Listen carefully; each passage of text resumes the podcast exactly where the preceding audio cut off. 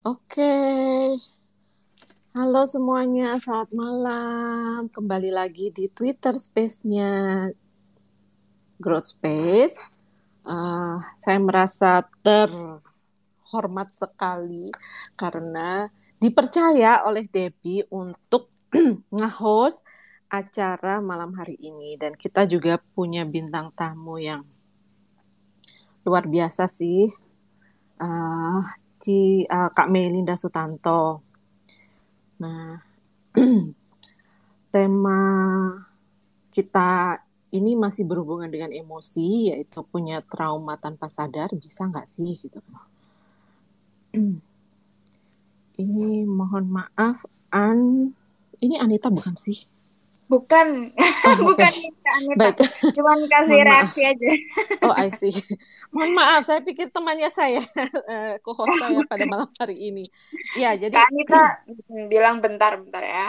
ya, ya. Um, Kak Mei udah masuk kah? Hmm, belum. Oke, okay, belum. Oke. Okay. Um, Aku sambil menyapa-nyapa. Hmm. Oh, udah masuk Kak Mei. Halo, Halo. Kak Mei Linda Sutanto. Oke, aku invite to speak dulu ya Kak Mei. Mm-hmm. Selamat malam Kak Mei. Jadi terima kasih sudah memenuhi undangan dari Growth Space untuk ngobrol-ngobrol pada malam hari ini berkaitan dengan masih dengan tema kita emosi di bulan ini punya trauma tanpa sadar. Itu kenapa nah, gitu ya? By the way, sepertinya kami uh, belum masuk ya invitationnya. Boleh dicek kami antara belum masuk atau kaminya belum sadar nih. Uh, kalau baru masuk karena pertama kali pakai Twitter Space kan ya. Kami hmm. boleh dicek di pojok, eh biasanya di atas atau di pojok kiri bawah. Begitu, mic off. Mic off. Mic off. Sebentar.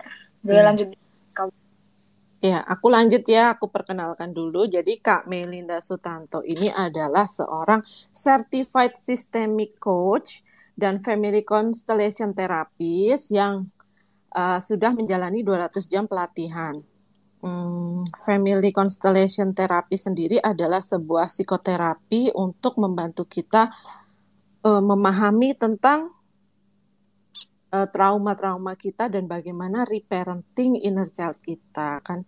Sekarang tuh lagi rame ya parentification reparenting inner child a wounded inner child gitu. Nah itu nanti kita bisa bertanya-tanya dengan Kak Mei. Kemudian Kak Mei sendiri merupakan lulusan dari The University of Michigan Ann Arbor dengan gelar Bachelor of Art dan sekarang sedang menempuh uh, psikologi keluarga kalau aku nggak salah ya karena aku mungkin Kak Min nanti bisa memperkenalkan diri sendiri uh, dan bisa dibilang aku rada bias karena aku sendiri sejak tahun lalu tertarik dengan family constellation dan aku juga sudah mengikuti pelatihannya dengan Kak Melinda Sutanto. Bagaimana? Apakah Kak Melinda sudah bisa? Uh, Oke, okay. kami masih berusaha nyalain mic. Betul. Meanwhile nih ada Kak Anita yang baru join nih. Halo Kak Anit. Halo, halo. Halo Anita. Selamat malam. Malam. malam. Apa kabar? Malam. Baik. Gimana emosi dan mood malam hari ini? Baik, soalnya baru bangun tidur. Halo, suaranya oh, bisa dengar? menyenangkan sekali. Bangun tidur jam segini ya. Nanti tidurnya jam berapa ya? Iya, Halo, suaranya bisa kedengaran sekarang?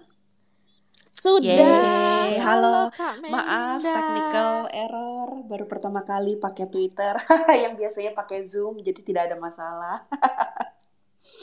iya, nggak iya. apa-apa. Ini suaranya Mbak Ulan ya pasti di sini ya kedengeran yeah. sekali sampai hafal. Terima kasih. sampai hafal ya.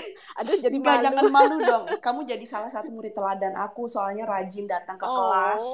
Iya. Aku yang bawa sekampung iya. ya. Aku tuh seneng loh kalau lihat orang tua yang kayak um, aware, mindful, malah bawa sekampung gitu. Karena jadi lebih cepat beres karena tong sampah orang tua tuh lebih penuh daripada tong sampah anak-anak gitu. Jadi kamu murid teladan sekali Ulan.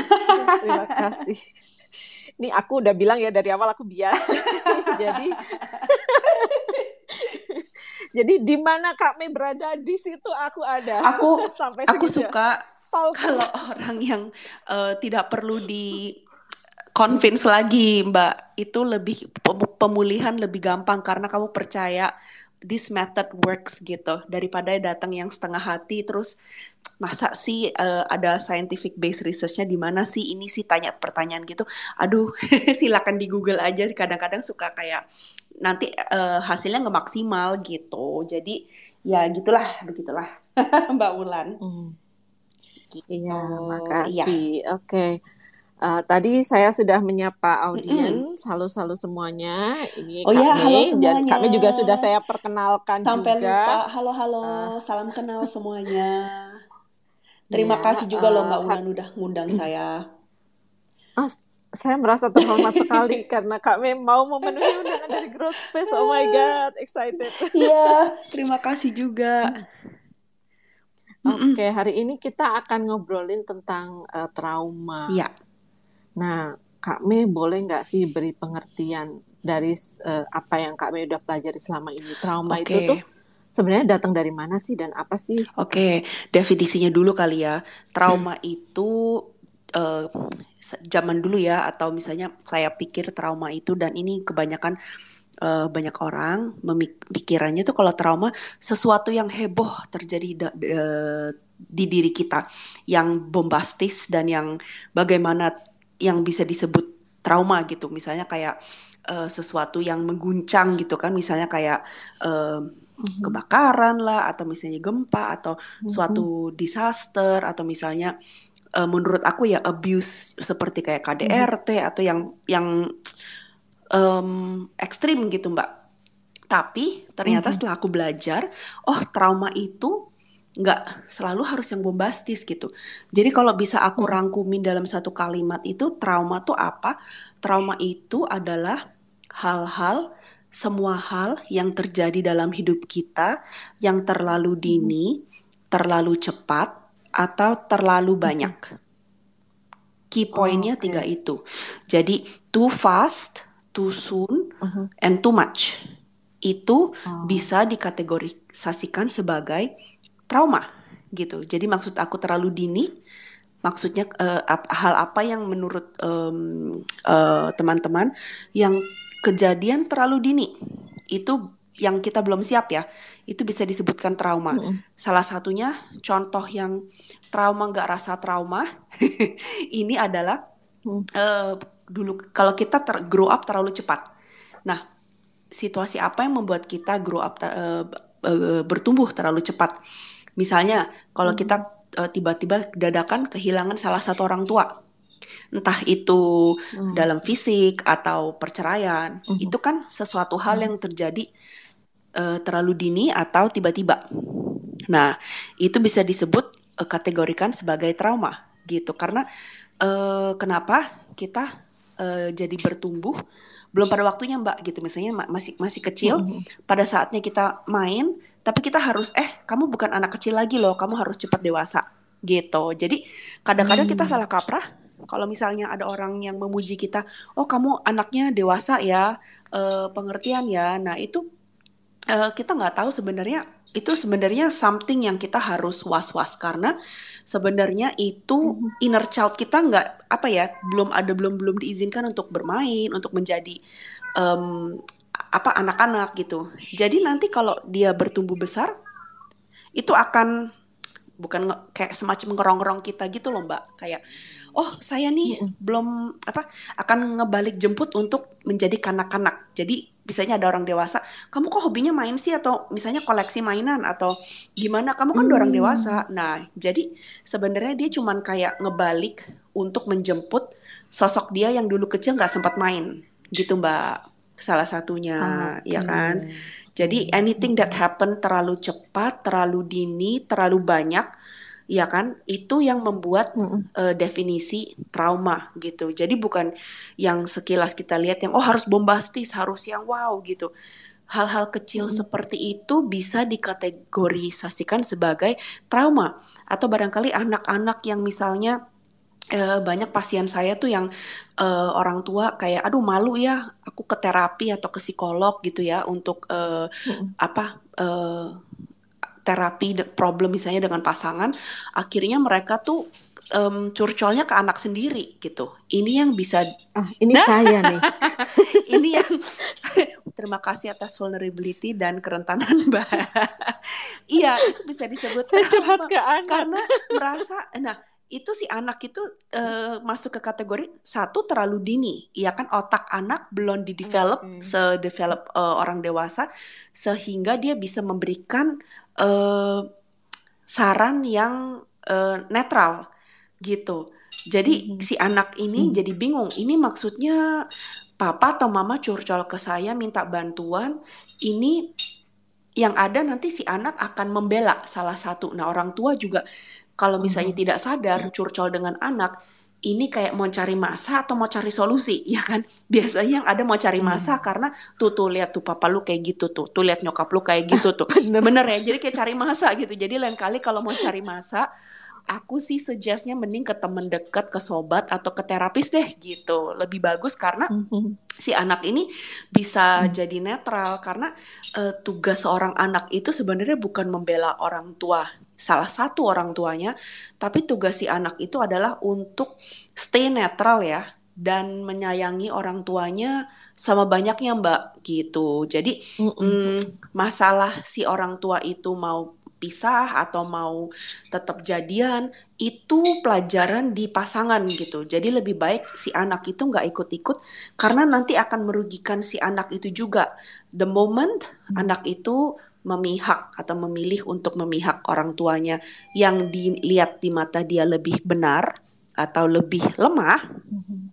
si anak itu akan tanpa sadar memotong tali cinta hubu atau hubungan dengan salah satu orang tuanya yang dinil yang dia nilai sebagai orang jahat atau yang lebih menindas ya gitu dan itu nanti dampaknya ke dia hubungan sama orang dia akan uh, most likely menarik orang yang seperti salah satu orang tuanya yang dia putus hubungannya itu karena ceritanya pelajarnya belum selesai oh. sama orang tuanya gitu. Kalau di family constellation uh, kita ngomong tentang warisan trauma keluarga itu yang dia pikul hmm. karena PR-nya belum selesai. Apa yang belum kita apa yang si anak PR anak sama orang tua belum selesaikan itu nanti akan diulang lagi sama pasangannya dia. uh, enak gak enak ya mbak? Kesannya bukan menghukum tapi kayak uh, untuk kasih kesempatan si anak itu hmm. menyelesaikan apa yang papa mamanya dia tidak bisa selesaikan. Kira-kira gitu. Jadi saran saya kalau di sini udah orang tua udah punya anak uh, ya namanya kesel sama pasangan ya nggak mungkin nggak kesel ya karena kita uh, manusia pasti ada hari yang kesel ada hari yang sayang gitu. Tapi jangan libatkan hmm. si anak itu supaya uh, dia bisa sayang papa mamanya sama banyaknya. Kira-kira gitu sih Mbak Ulan. Mm -hmm. Oke, Sama-sama. Nah, sebenarnya trauma ini kan terjadi dari masa kecil. Betul.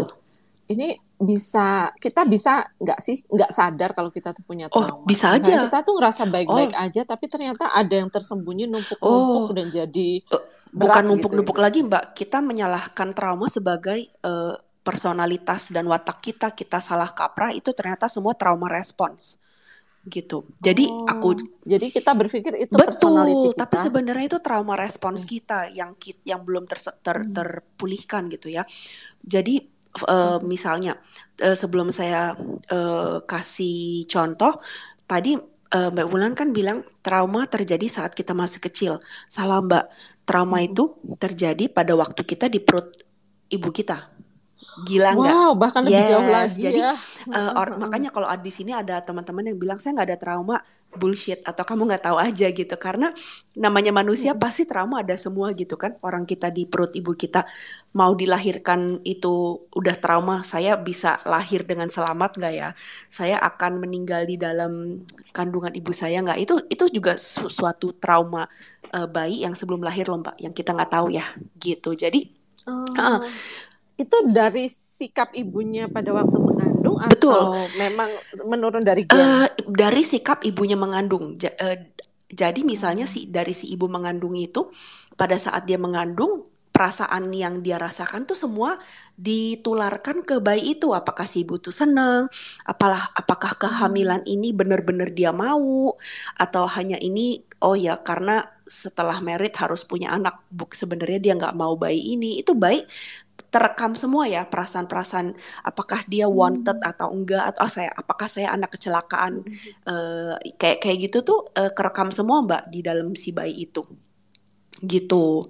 Jadi uh, itu yang hmm. membuat bibit trauma yang kita tidak sadarkan atau misalnya ya keluarnya anak perempuan lagi padahal tadi maunya minta laki-laki ya gitu. Hmm. Ini udah punya tiga hmm. perempuan yang keluar tiga, satu lagi perempuan lagi. Nah, jadi dia uh, trauma yang dia tidak sadarkan itu tapi dia rasakan menjadi watak dia setelah dia besar itu anak ini jadi perfeksionis, jadi kompetitif, jadi untuk membuktikan tanpa sadar, eh kamu nggak akan uh, rugi loh punya anak perempuan. Aku akan buktiin aku tuh sebagus anak laki-laki atau lebih menghasilkan daripada anak laki-laki gitu mbak. Jadi kan wataknya hmm. uh, kita kayak gampang burnout, terus gampang apa? Kayak susah misalnya susah bilang enggak ke orang karena untuk yang ngebuktiin hmm. tadi itu gitu kira-kira mbak salah satu trauma respon hmm. terus ada satu lagi bisa nggak sadar nggak kita kalau misalnya sebenarnya ini trauma uh, kita ada trauma tapi kita nggak sadar? Kan pertanyaan baulan hmm. begitu ya tadi. Yeah. nah uh, bisa aja yang yang saya khawatirkan itu uh, watak yang baik yang kita sangka itu adalah adalah uh, sifat yang baik sebenarnya trauma respons mbak. Kalau ini nggak semua orang ya tapi rata-rata gitu. Jadi misalnya gini oh uh, oh kamu anak baik ya pas waktu tumbuh besar nggak merepotkan mama oh di sekolah juara satu mama nggak usah terlalu repot ngurusin kamu kamu anak baik nah itu hmm. kalau kita lihat da dari segi parenting yang oh iya ya aku mau anak seperti itu nah tapi banyak pasien yang seperti itu mbak ke saya dia merasa mm-hmm. saya tidak diperhatikan orang tua karena menurut orang tua saya saya tidak perlu dicemaskan. Jadi apa-apa dia bisa sendiri. Pas waktu dia besar, problemnya dia susah minta tolong, Mbak. Gitu. Oh, Jadi okay. ini sesuatu yang gak sehat karena kalau kita susah minta tolong, ya kita rempong sendiri kan ya Mbak ya, gitu. Ada kalanya mm-hmm. kita minta tolong sama orang gitu. Jadi um, problem atau trauma si orang ini adalah kayak dia susah minta tolong karena menurut dia pas waktu kecil itu merepotkan orang tuanya. Jadi dia uh, dia nggak mau merasakan sebagai beban orang tua. Jadi dia merasa beban gitu. Jadi uh, trauma yang dia harus um, selesaikan itu adalah okay. kamu adalah berkah loh biarpun misalnya uh, adik kakak banyak gitu ya. Tapi kamu itu dilahirkan uh, jangan merasa seperti beban gitu. Kayak gitu. Jadi dibalik uh, sikap anak baik itu atau anak yang hmm. tidak merepotkan, sebenarnya tuh ada ada kayak um, traumanya yang merasa hmm. seperti beban atau kayak oh ya udah deh pokoknya aku nggak mau ngerepotin orang tuanya. Nah karena dia lihat oh si orang tua ini direpotin sama saudara-saudaranya Mbak, sama keluarga besarnya, sama apa gitu. Hmm. Jadi sebenarnya dia eh, apa ya merasa tidak diprioritaskan sama orang tuanya. Tanpa sadar dia menjadi anak baik yang mau meringankan beban si orang tua itu. Gitu Mbak. Nanti aku akan jelaskan di Family Constellation kenapa uh, apa uh, dinamika sehat yang kayak gimana ya yang paling baik untuk keluarga, untuk pasangan, kira-kira kayak gitu. Okay. Mm -mm. Tapi sebenarnya uh, kan zaman dulu ya orang tua tuh punya anak lebih dari satu mm gitu kan. Uh, itu tiap anak apakah akan ada yang selamat aman dari trauma oleh pola asuh orang tua yang berbeda-beda kan tiap anak itu mencerminkan kondisi orang tua betul katanya betul Melinda misalnya saya lahir pas orang tua lagi jaya-jayanya mm -hmm. adik saya lahir betul. pas orang tua lagi terpuruk Oke. Okay. seperti itu. Oke. Okay.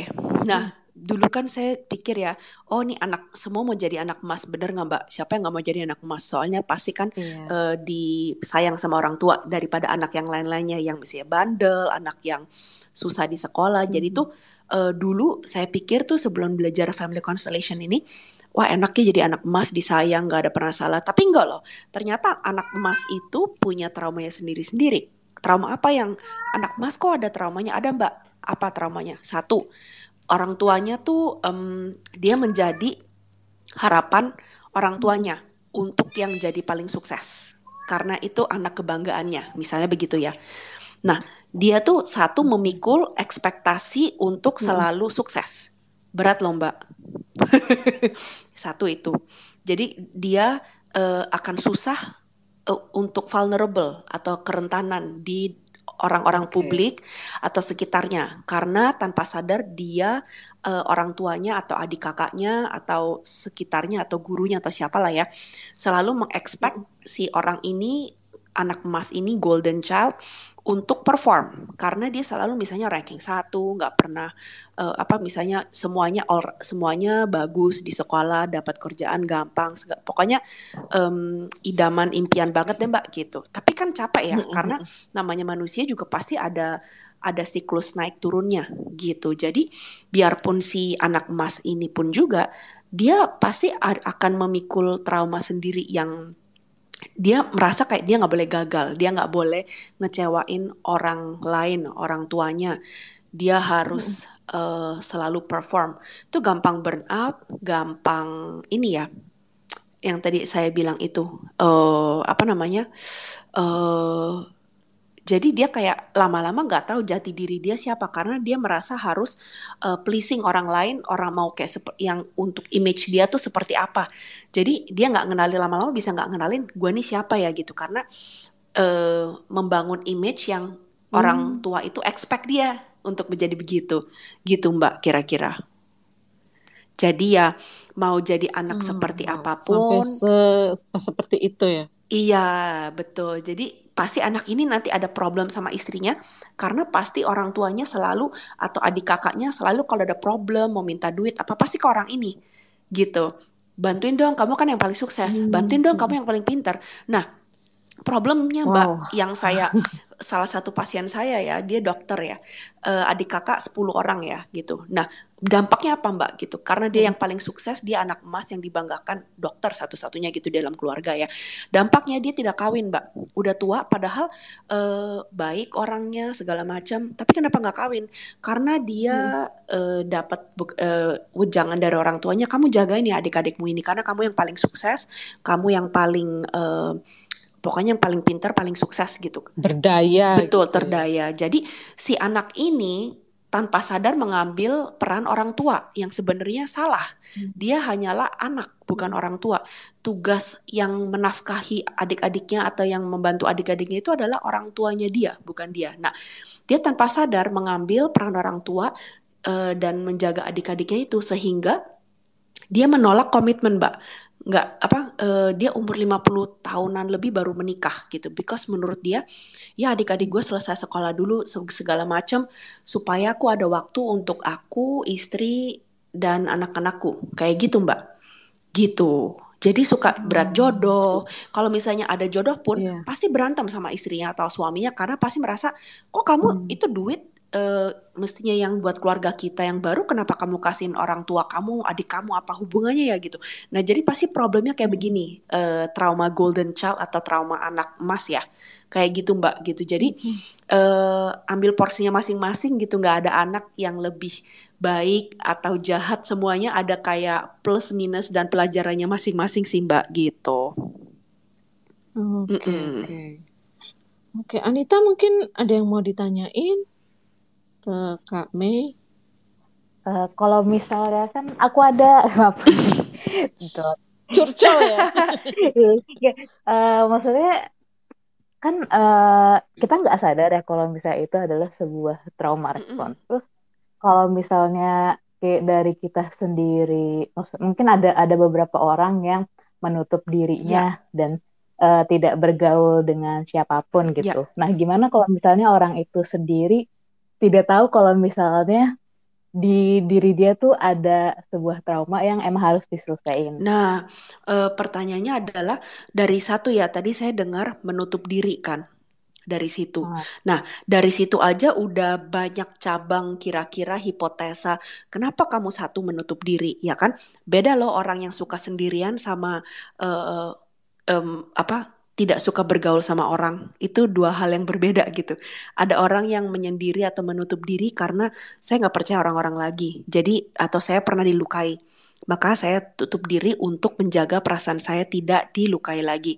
Ya nggak salah karena itu uh, trauma respons yang normal kan gitu kan. Siapa yang suka disakitin lagi gitu. Cuman ini trauma respons yang uh, cocok untuk jangka pendek mbak gitu. Soalnya kalau misalnya kita uh, eh, like it or not ya, aku seorang pribadi dulu adalah uh, modelnya yang oh aku nggak perlu orang kok, kamu nyakitin aku, aku cut aja gitu. Jadi kesannya bisa dibilang menutup diri. Uh, menurut aku banyak kok orang di sini yang aku nggak perlu teman gitu ya. Tapi like it or not, kita itu manusia uh, mamal, uh, ma mamal ya. Jadi uh, manusia membutuhkan sosialisasi untuk uh, kesehatan mental, kesehatan uh, fisik. Jadi bergaul itu penting karena kalau kita tidak bergaul uh, dengan orang, Mbak, itu ada studinya bahwa kita akan menaikkan uh, addiction. Kita akan cenderung lebih uh, ada ketergantungan uh, addiction apa ya seperti uh, kecanduan jadi kecanduan apa maksudnya?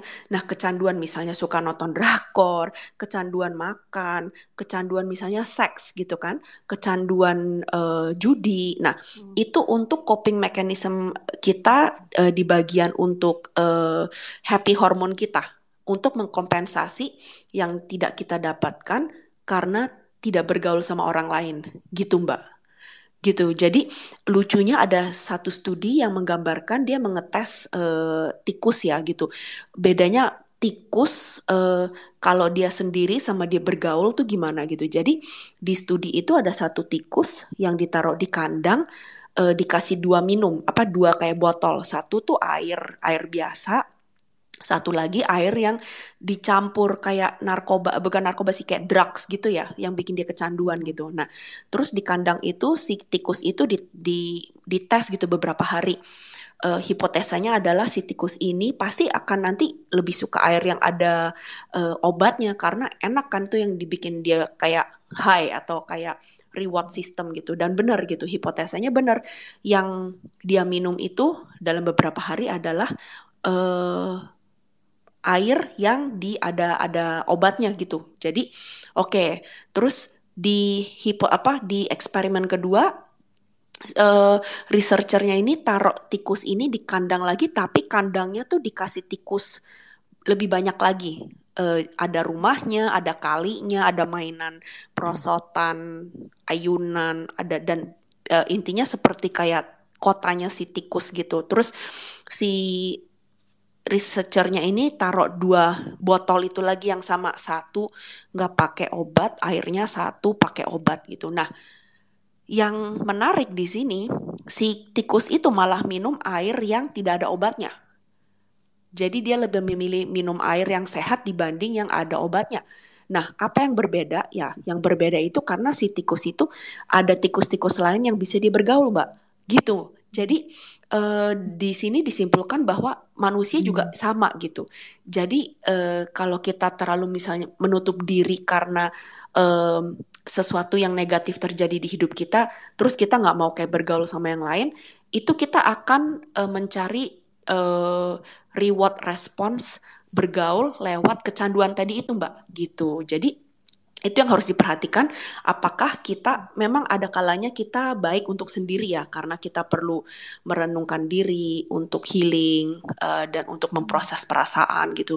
Tapi jangan jadikan itu uh, seperti oh saya nggak mau ah saya nggak uh, saya kehilangan kepercayaan sama orang-orang gitu. Kayak kayak kira-kira kayak gitu sih Mbak Anita. Semoga hmm. membantu menjawab pertanyaannya. Menjawab, menjawab. Iya. Thank you, kami. Iya, sama-sama. Ada lagi kah Hanita yang pengen ditanyain lagi? Oh, satu Belum. satu lagi yeah. Mbak Wulan, aku lupa bilang yeah. tadi. Ada orang sadar nggak sih punya trauma respons? Nah, dulu tuh saya suka masalah kaprakan uh, orang baik sama orang people pleaser, Mbak. Saya pikir mm. orang baik semua orang kan mau ya jadi orang baik karena ya siapa sih yang nggak mau jadi orang baik kita mau hidup untuk kalau sebisa mungkin jadi orang baik kan ya tapi yeah. yang saya nggak ngeh itu eh ternyata saya tuh dulu people pleaser loh. Nah bedanya apa? People pleaser tuh is a trauma response, mbak. Kalau orang baik itu oh. uh, bedanya apa? Kalau people pleaser itu trauma response, bedanya gini. Kalau kita misalnya berbuat baik, eh, tujuannya tuh kita nggak peduli orang mau validasi kita atau orang mau orang tahu kita berbuat baik atau enggak kita nggak peduli. Pokoknya kita berbuat baik gitu kan. Tapi kalau people pleaser uh, they care what other people think. Mereka oh, sebenarnya selalu minta dilihat iya gitu. Ya? dilihat dan divalidasi. Ini loh gue orang baik. Ini loh gue mengerjakan oh, ini. okay. beda ya gitu. Tapi kan kesannya oh ya dua-duanya baik tapi bedanya satu nggak dilihat ya nggak apa-apa dia masih kerjakan yang baik. Satu cuman oh gue dilihat nggak ya? Gue divalidasi nggak ya orang? Nih gue mengerjakan sesuatu yang baik loh gitu. Jadi satu butuh pengakuan satu nggak butuh pengakuan mbak gitu. Terus wow. terus satu lagi people pleaser itu nggak tahu batas sehat mbak. Jadi dia nggak okay. tahu dia give give give tuh dia nggak tahu stop. Ini kan bahaya karena satu ya rempong ya. Maksudnya jadi kita kerja hmm. bakti apalagi kalau kita punya keluarga kita nggak tahu stop kapan membantu apalagi kalau jika yang minta bantuan tuh orang tua kita sendiri ya. Nggak enakan hmm. merasa bersalah. Nah terus kita mengabdi pada orang betul tua, terus jadi nggak apa-apa sih ya kalau kamu nggak punya pasangan atau anak gitu silakan kamu mau mengabdi sama siapa aja. Tapi uh, problemnya jika kita punya pasangan dan anak nah di situ uh, prioritas terbalik mbak gitu yang mestinya kita prioritaskan kebutuhan pasangan dan anak dulu baru orang tua kalau menurut family constellation itu ini kebalik jadi uh, we become un, partner yang nggak present yang nggak nggak hadir sepenuhnya untuk pasangan dan anak Nah itu mulai deh problem di situ. Kayak orang ketiga uh, berantem apa? Kok kamu selalu prioritaskan prioritasin keluarga kamu? Emang aku bukan keluarga kamu ya? Nah kayak hmm. gitu-gitu mbak. Jadi kalau misalnya kamu people pleaser, kamu nggak tahu batasan sehat gitu. Tapi kalau kamu orang baik, kamu eh, nggak uh, nggak nggak pakai gak enak gak enakan bisa hmm. bilang enggak ya aku cuma bisa bantunya segini dan kamu nggak merasa bersalah Bedanya oh, itu. Okay. Jadi barometer kalau apakah kamu udah healing, apakah kamu sudah pulih untuk ngecek apakah kamu people pleaser atau kamu orang baik. Kira-kira gitu Mbak, yang kita kadang nggak sadar ya di situ. Aku aku jadi ada pertanyaan kamu. Silakan. Tadi uh, kan maksudnya uh, kalau misalnya orang yang menutup diri berarti uh, tidak jarang lah ada uh, punya teman ya. teman-teman dekat yang ya sadar uh, kelakuannya dia tuh seperti apa yang ternyata itu sebuah trauma respon dari diri dia gitu. Oke. Okay. Nah, gimana kalau misalnya uh, ada nggak sih pesan buat orang-orang yang seperti itu yang uh, biar biar dia tuh aware kalau misalnya kalau ada yang salah di diri dia atau ya udah biarin aja nanti juga ke kesadar buat, sendiri. Buat orang yang suka menutup diri gitu, Mbak. Iya. Yeah. Pesannya, oh oke. Okay. Jadi gini, nomor satu, setelah saya belajar family constellation bahwa perasaan dan emosi yang belum terproses itu bisa terwariskan ke generasi berikutnya, Mbak. Step pertama yang harus ditanyakan ke diri adalah, is it my emotion? Apakah itu perasaan saya? Halo? Iya, halo. Oh iya, iya, iya, sorry, sorry, iya. Jadi uh, karena uh, biasanya tuh 50-50 ya Mbak. Emosi hmm. ini bisa jadi punya ibu atau bapakmu atau kakekmu atau nenekmu yang belum dia proses. Itu diwariskan ke anak. Itu yang mind blowing banget tentang family constellation dan uh, apa uh, trauma yang terwariskan ke generasi berikutnya. Nah, aku mau cerita tentang satu hal yang ajaib ya uh, mengenai warisan trauma ini. Ada salah satu pasien aku, dia datang, uh, dia laki-laki, uh, masih SMA gitu ya. Terus yang bawa uh, terapi tuh uh, ayahnya gitu. Nah si ayah nih bilang bisa nggak tolong nih kayaknya anak saya ada gangguan mental, dia suka silet-silet tangan gitu mbak untuk kayak keluarin darah gitu. Terus hmm. saya Eh, eh, ketika saya tanya sama anak ini, apa sih yang kamu rasakan setelah kamu mengeluarkan darah itu ya? Dibilang enak gitu, rasanya kayak nyaman, oke? Okay? Apa yang eh, kamu rasakan nyaman dari apa? Nah, si anak ini bilang nyaman dari kesedihan yang saya tidak bisa ungkapkan. Oke, jadi kata kuncinya adalah kesedihan yang dia tidak bisa ungkapkan. Pertanyaan saya berikutnya adalah, memang kamu dibully di sekolah? Enggak. Memang kamu dapat nilai jelek di sekolah? Enggak. Memang orang tua kamu eh, apa mempressure kamu untuk perform di sekolah? Enggak. Nah, jadi lucu kan Mbak, tidak ada external faktor yang membuat dia sedih yang tidak bisa diungkapkan. Nah, pada saat ini saya sudah mulai curiga, ini pasti uh, perasaan warisan dari papanya atau mamanya yang dia sendiri nggak tahu gitu. Karena ya family constellation therapy ini dan warisan trauma uh, uh, apa uh, indikasi begini baru nggak se-mainstream uh, metode healing lainnya di seperti reiki, seperti hipnoterapi gitu ya Mbak. Jadi mak, lumrah lah banyak uh, nggak gitu banyak orang yang tahu. Nah pada saat ini saya tanya sama papanya gitu, papanya dia, Pak, uh, saya mau tanya Bapak dalam hidup Bapak atau uh, apa uh, pasangan Bapak ada nggak pernah ngalamin sesuatu yang kesedihan tidak bisa diungkapkan. Itu kata-kata anaknya ya, jadi saya ulang lagi. Iya, saya pernah kehilangan ibu saya pada usia muda. Saya sayang banget sama ibu saya juga saya anak kesayangan ibu saya. Saya belum siap kehilangan ibu saya. Oke, balik lagi tadi trauma kan kejadian hal yang terjadi too soon, too much, or too fast gitu. Jadi kepergiannya secara tiba-tiba anak ini belum siap sehingga membuat dia menjadikan trauma. Pertanyaan saya kemudian ke bapak ini, bapak per, nangisin nggak ke kepergian ibu ini atau uh, apa grieving atau berkabung? Enggak, karena saya laki-laki kan nggak boleh nangis, laki-laki harus kuat, nggak boleh pokoknya nggak boleh berduka. Jadi saya nggak berduka, jadi saya move on aja. Nah, this is the thing with trauma, kita tidak bisa membypass proses uh, perasaan. Karena kita diajarin di di uh, masyarakat uh, perasaan apa yang positif, perasaan apa yang negatif, sehingga kita belajar untuk mau merasakan hanya hal-hal yang positif, happiness, uh, ya kan, peace, uh, fun. Nah, kita nggak mau merasakan perasaan-perasaan yang di label negatif oleh masyarakat seperti kayak malu, hmm. marah, sedih dan sebagainya gitu. Hmm. Jadi balik lagi ke cerita bapak ini, saya bilang ke bapak ini pak, gini deh saya ada PR, tapi saya nggak janji loh ya uh, hasilnya gimana. Cuma nih hipotesa saya aja, bapak bisa coba, nggak ada salahnya dicoba. Gini, uh, bapak pulang, coba deh satu bulan dalam satu bulan ini, uh, tolong nangisin kepergian ibu bapak Hah, tapi kan itu, itu kan udah berapa tahun yang lalu.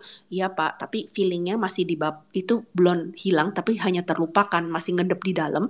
Makanya terwariskan ke anak bapak. Si anak ini karena sayang sama bapaknya merasa, oh bapak saya merasakan kesedihan yang tidak bisa diungkapkan. Oke, baiklah, mari dengan cara saya sendiri untuk melepaskan kesedihan itu. Ya, bapak anak bapak jadi bisa nyilet-nyilet begitu. Bapaknya hmm. kaget, hah itu kan yang sakit anak saya bukan saya. Iya, tapi akar masalahnya di bapak gitu. Jadi uh, saya bilang nggak apa-apa pak, efek sampingnya cuma air mata doang kok, bisa cobain silakan gitu.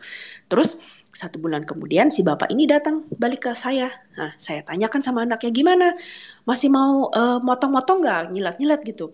Terus si anak ini bilang, mm, saya sih mau ya, tapi kok kesedihan yang tidak bisa diungkapkan tuh hilang loh, kayak hilang nggak tahu. Jadi saya mau nyiletin nggak ada yang saya siletin karena nggak merasakan sedih lagi. Nah itu kan aneh bin ajaib ya kok bisa begitu?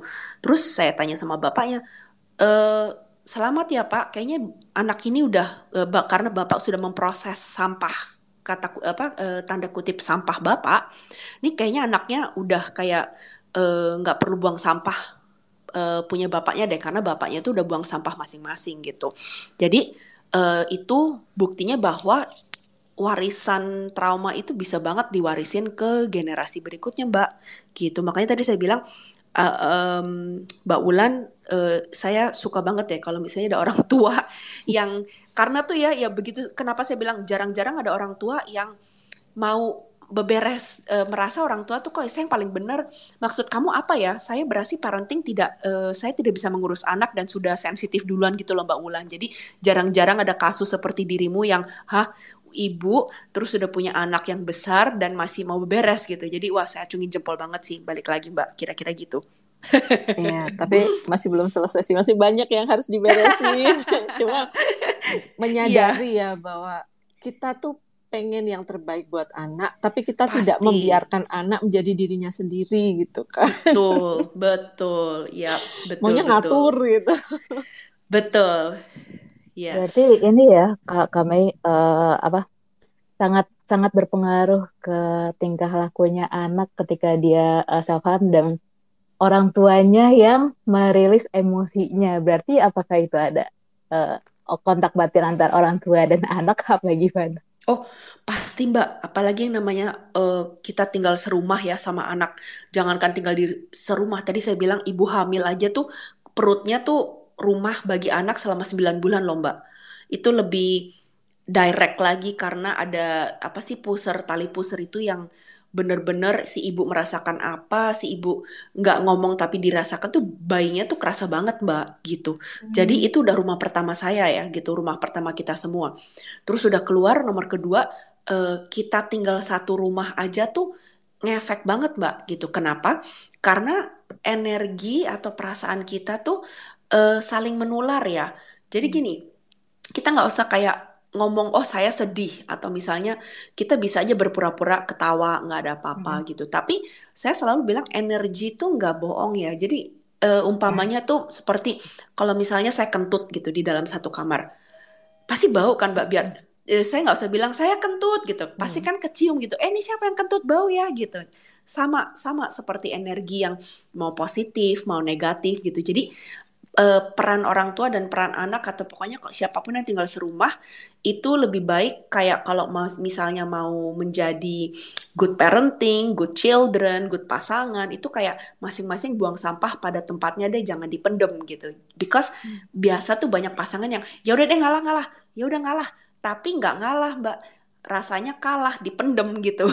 Jadi hmm. tambah frustasi di dalam. Nah ini tekanan di dalam ini yang nantinya jadi diwarisin ke uh, anak-anak berikutnya gitu mbak kira-kira pertanyaan lanjutannya mungkin mm -mm. untuk orang-orang yang uh, orang tuanya sudah eh, nggak uh, ada. Apakah itu mas apa uh, kalau misalnya di konteks ini kan antara ngaruh dari apa turun turun dari orang tuanya ya trauma. Ya, Apakah kalau betul. misalnya orang tua yang yang melakukan eh kalau misalnya orang tuanya ini sudah tidak ada? Ya, nah gitu. itu ajaibnya metode pemulihan family constellation, Mbak. Jadi family constellation aku kasih sedikit uh, background gambaran. Family constellation itu adalah metode pemulihan asal Jerman yang ditemukan uh, seorang psikoterapis uh, Jerman namanya Bert Hellinger. Nah, cara pemulihan ini keren banget mbak karena dia sifatnya di grup terapi gitu ya jadi bayangin misalnya kita ketemu ini bisa terjadi online dan terjadi offline uh, apa uh, on-site, kita ke okay. on-site gitu. Nah, jadi family constellation therapy ini adalah role play based therapy gitu. Jadi kayak kita main peran-peranan. Jadi misalnya Mbak Wulan nih, uh, oke, okay, Mbak saya mau gimana caranya untuk mendekatkan uh, diri sama anak saya atau memperbaiki hubungan sama anak saya atau pasangan saya gitu. Nah, saya tidak perlu Mbak Wulan kayak curcol, oh gimana sejak saya saya lahir anaknya gimana, nggak perlu gitu. Jadi aku suka metode healing ini karena nggak perlu rentan, nggak perlu cerita yang sampai berbuka-bukaan gitu ya. Jadi masih me menjaga privacy orang-orang yang sudah siap dan belum siap itu saya nggak perlu mereka cerita. Jadi uh, misalnya Mbak Wulan, oke, okay, uh, eh, yang saya bilang misalnya Mbak Wulan menjadi peran problem owner yang tadi bilang ke saya, Mbak saya mau memperbaiki hubungan dengan anak saya misalnya. Terus saya sebagai fasilitator akan minta Mbak Wulan, Mbak ya udah uh, pilih deh pemeran yang siapa mau kamu peranin dari teman-teman yang datang pada kelas ini, yang kamu pilih untuk menjadi dirimu sama anak kamu gitu. Dan ini semua orang nggak kenal ya, baru pertama kali kenal gitu ya kan. Jadi uh, apa aneh, ajaib tapi nyata gitu. Nah, terus setelah Mbak Wulan pilih pemeran pemeran-pemeran yang dia nggak kenal gitu, dia kiranya main asal tunjuk ya si Ono si A si B. Ya udah si A jadi gua si B jadi anak gua gitu. Oke okay. terus kita duduk dalam satu lingkaran gitu si anak sama si pemeran anak dan Mbak Wulan tadi itu eh apa namanya semua teman-teman eh apa namanya bisa melihat keajaiban loh kok tiba-tiba si A bisa wataknya kayak Mbak Wulan banget ya? Kok si B dia ngomong kok persis ya seperti anak aku kayak yang gak mau lihat muka aku atau kata-katanya bisa mirip. Nah, dari sini bisa uh, aku sebagai fasilitator nanti akan memandu dan melihat menemukan solusi oke ini problemnya apa sih begini? gitu ya. Dan bisa misalnya memanggil oh misalnya uh, Mbak Wulan uh, kakeknya udah meninggal tapi kayaknya problemnya sama kakeknya deh. Nanti bisa dipanggil oke coba panggil satu pemeran yang memainkan kakeknya Mbak Wulan nah ajaibnya di situ Mbak bisa kok dia bisa seperti kakek aku ya seperti itu nah penjelasannya adalah uh, law of attraction mbak gitu jadi hmm. uh, kalau bisa law of attraction tuh uh, hukum ketertarikan ya jadi hmm. kita nggak random manggil orang ABC gitu kita akan memanggil ter terguide untuk hanya memanggil orang kira-kira yang ada problemnya sama hmm. Entah dia merasa bersalah, entah dia misalnya juga ada problem sama mamanya atau sama anaknya, itu somehow bisa kepanggil dengan ajaibnya gitu. Dan apa bisa apa namanya eh, sel-sel tubuh kita DNA itu tidak lupa loh. Semua trauma nggak cuma dari orang tua kita tapi dari leluhur kita tuh kayak ada catatannya. Kalau misalnya mbak tahu tentang akashic record ya jadi setiap keluarga tuh kayak punya buku catatnya sendiri gitu jadi bisa dilihat sampai kapan aja nih problemnya di mana sih ditelusurin sampai selesai mbak biarpun orangnya udah nggak ada atau uh, masih ada kira-kira begitu Hmm, oke oke, menarik Iya. ya family Iya. constellation ini. Nih, uh, mungkin buat dari tadi teman-teman yang dengar dan merasa relate dan mau healing inner child dengan family constellation terapi sama kami. Kami uh, hari Sabtu tanggal 12 Agustus besok lagi ngadain online workshop Ya. uh, di Zoom. Siapa tahu ada yang terpanggil bisa daftar. Infonya ada di banner uh, di Twitter Space di atas. Iya. Saya mengadakan workshop ini juga in person setiap bulan sekali sih. Siapa tahu nanti kalau misalnya nggak bisa ikutan Sabtu ini bisa ikutan check out aja di uh, jadwalnya di IG. Aku di Twitter nggak gitu aktif ya Mbak. aku harus lebih aktif sih tahu. Cuman lebih IG gitu. bisa cek IG aku aja Mbak gitu. Oke, okay, thank you Kak Lanjut ke Wulan. Yeah. Uh, mungkin teman-teman di sini ada yang mau bertanya satu atau dua orang? Apakah ada ya. yang ingin bertanya? Kalau nggak ada, aku yang nanya nih. Yang ingin bertanya bisa uh, request mic ke ya. host, nanti akan dinaikin jadi speaker juga. Hmm, sekalian. Lanjut kaulan nanya aja. Iya. Uh, ini uh, misalnya nih kita kan yang masih berhubungan dengan orang tua dan sering ada konflik gitu kan dan kata-kata orang tua atau kata-kata kita tuh saling menyerang gitu kan dan ya. kita terluka uh, tapi di family constellation kita bilang kita harus memaafkan mereka padahal orang tua juga belum berubah gitu loh iya nah itu gimana sih supaya nah, kita nggak tersinggung lagi dan terbawa betul. perasaan nggak baper gitu loh betul nah ajaibnya kalau di family constellation kita nggak pakai kata maaf. Maksudnya kalau misalnya of course ada orang yang mengatakan sesuatu yang menyakitkan uh, tujuannya untuk maafin tuh ada. Tapi kenapa aku kesengsem sama metode healing ini karena uh, sebelum kita minta maaf apalagi secara ikhlas ya kita harus bisa memahami dan mengerti kenapa si orang itu bisa menjadi menyebalkan atau misalnya kok merasa dia tidak pernah salah ya.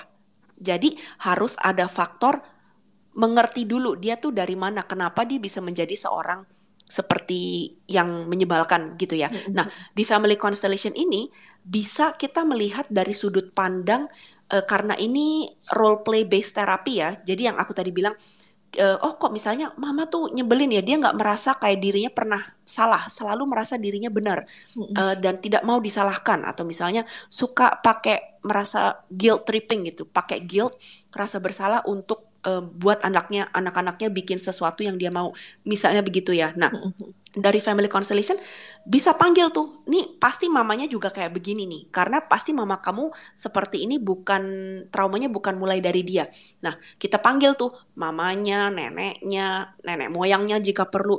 Dan dari situ kelihatan oh ternyata mama juga misalnya dianiaya sama mamanya sendiri atau oh ternyata papanya jahat banget ya sama ternyata kakek jahat banget sama mama. Nah dari situ kita bisa melihat kayak bukan prihatin ya bisa mengerti oh pantesan mama tuh dari dulu kecil nggak ada yang uh, ngebelain dia. Uh -uh, nggak ngebelain dia.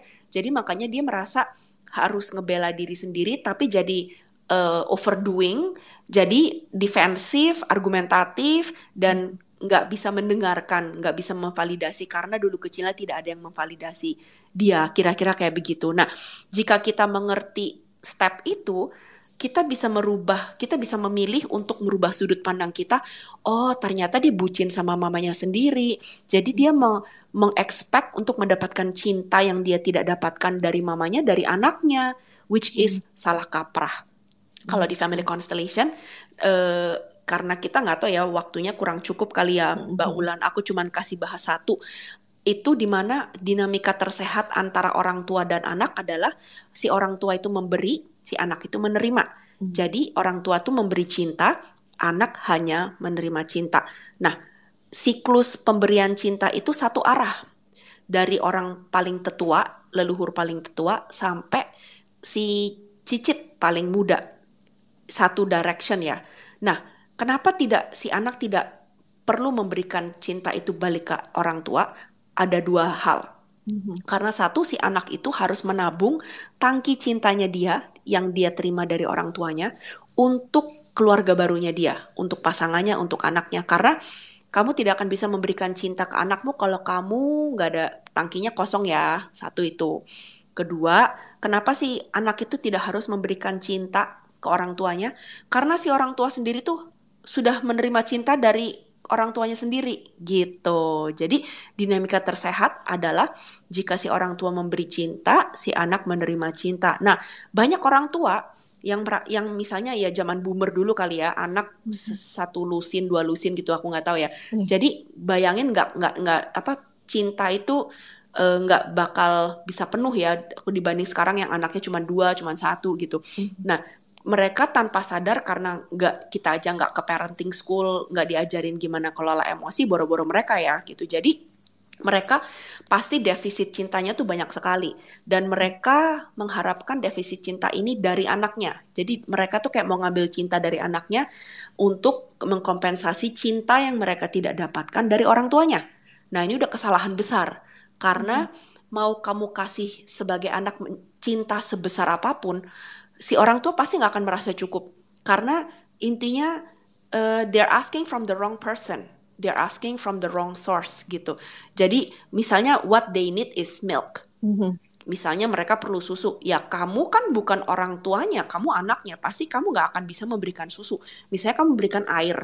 Kamu kasih tuh satu galon. Laut. Eh, satu galon.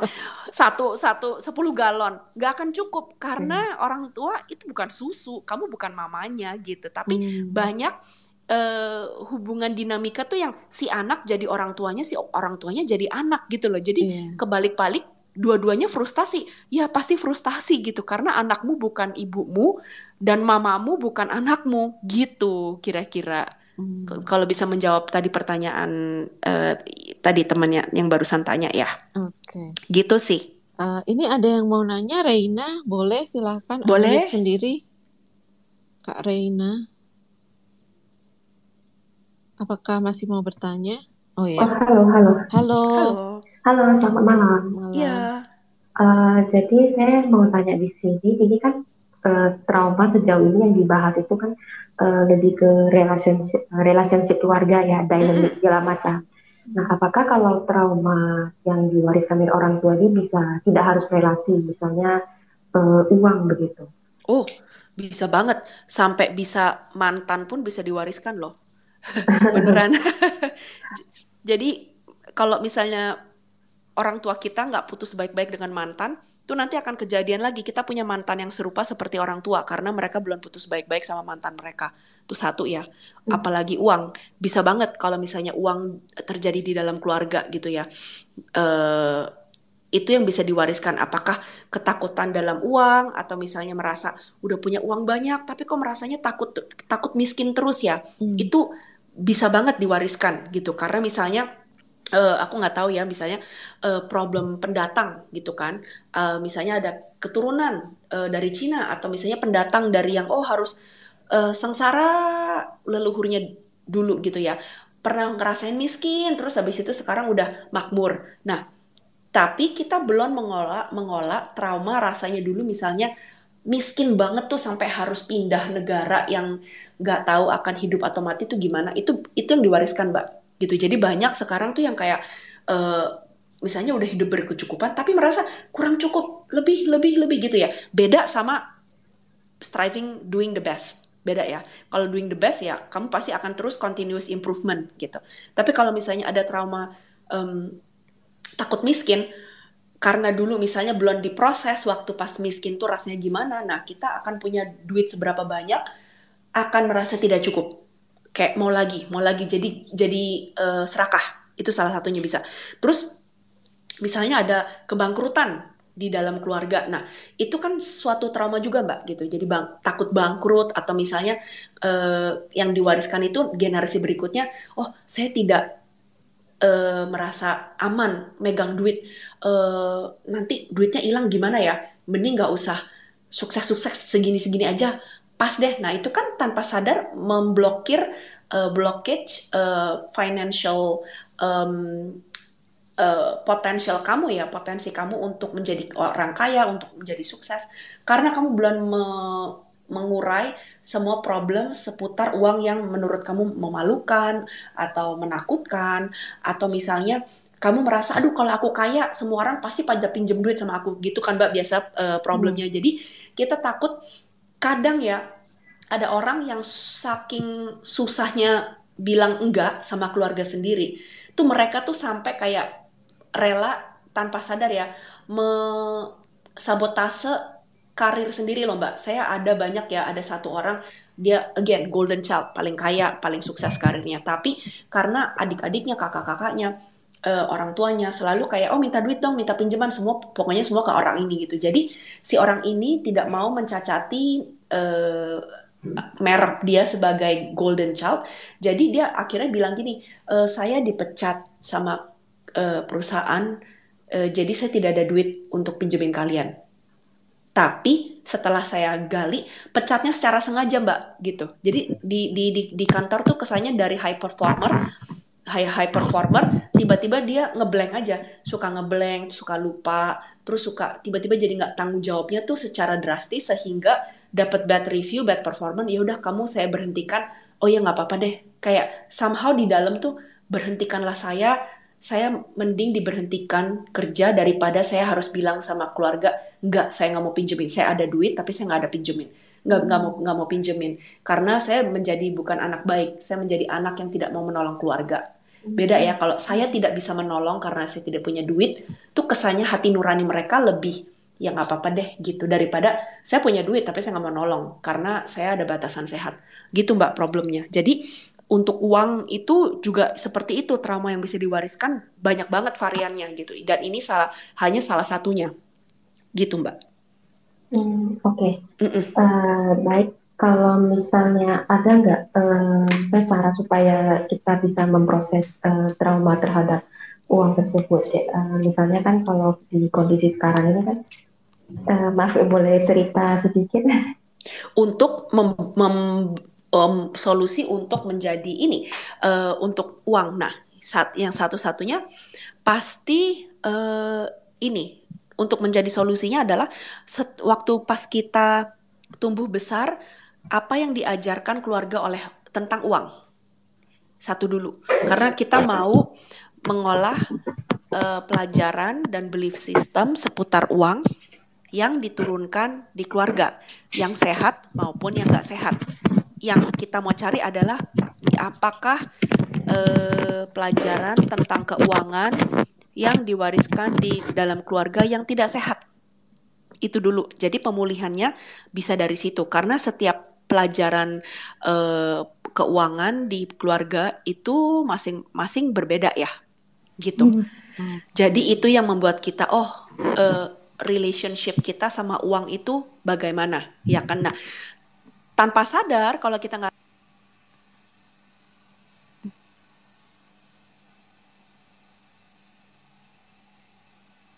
kami uh, oh halo.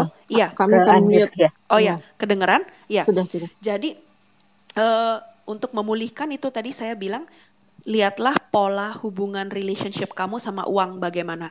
Apa yang diajarkan orang tuamu waktu kecil seputar uang gitu.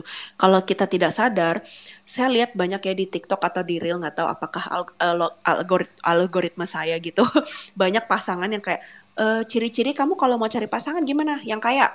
Uh, enggak, yang saya tanya tuh uh, wataknya gimana? Yang kaya gitu. Jadi semuanya tuh mau uh, apa? Ada seperti uh, hubungan dengan uang itu yang sehat nggak sehat ya bisa dibilang gitu. Karena uh, pasangan itu kita dinamika yang sehat itu adalah give and take, harus seimbang, harus uh, seimbang. Nah, tapi banyak orang yang saya uh, pasien saya ke saya bilang, aduh saya tuh capek loh di rumah ngurusin drama orang tua, drama adik kakak.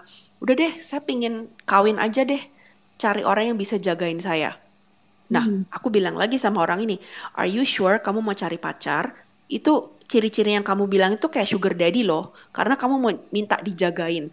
Karena pasangan yang sehat itu sama-sama jagain gitu.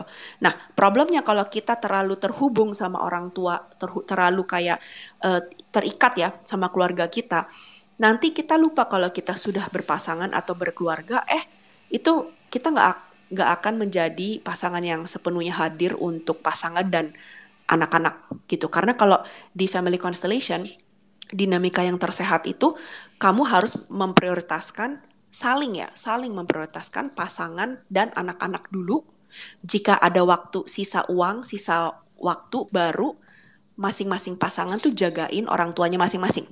Hmm. Tapi yang aku lihat yang keadaannya 80 sampai 90% terjadi di Asia adalah kebalikan. Mereka tetap masih terhubung sama keluarga masing-masing dulu. Terus kalau ada sisa waktu, baru sisa uang baru dikasihin pasangan sama anak gitu. Jadi itu yang membuat problem pasangan, sama anak-anak nggak deket karena kita terlalu masih terkoneksi sama orang tua kita biarpun kita sudah merit gitu. Jadi berbaktinya tuh salah kaprah dan berbaktinya tuh mal um, aku bilang uh, over uh, karena menurut aku definisi berbakti itu adalah berterima kasih bukan memenuhi ekspektasi. Tapi kebanyakan dari anak-anak di sini adalah mereka uh, salah kaprah berbakti itu ya oh ya orang tua ekspektasi kita apa kita harus turutin gitu. Padahal oke okay, kita kita turutin kalau misalnya kita value-nya sama atau sejalan. Bukan semata-mata nurut buta gitu. Karena akhirnya nanti kita akan berontak di belakang. Jadi nurut di depan, berontak di belakang. Nah, itu uh, it's not pretty juga nggak akan nggak akan ada happy ending kalau kayak begitu mbak gitu kira-kira. Hmm, Oke okay. uh, eh, ini ya. ada lagi mbak Reni Elisa yang mau bertanya boleh mbak Reni mbak Reni Halo. Elisa oke okay, silakan nanya antara konsul sama apa ya? Jadi jadi misalnya uh, kalau saya itu lebih ke kayak emotional nggak mau attachment eh nggak mau emotionally attached sama orang. Jadi nggak pernah punya sahabat yang deket banget. Atau misalnya pun ada misalnya kayak interrelationship juga enggak gitu. Jadi misalnya ada yang suka atau apa uh, cenderung menghindar gitu. Terus pas tanya sama mama ternyata mama pun begitu gitu.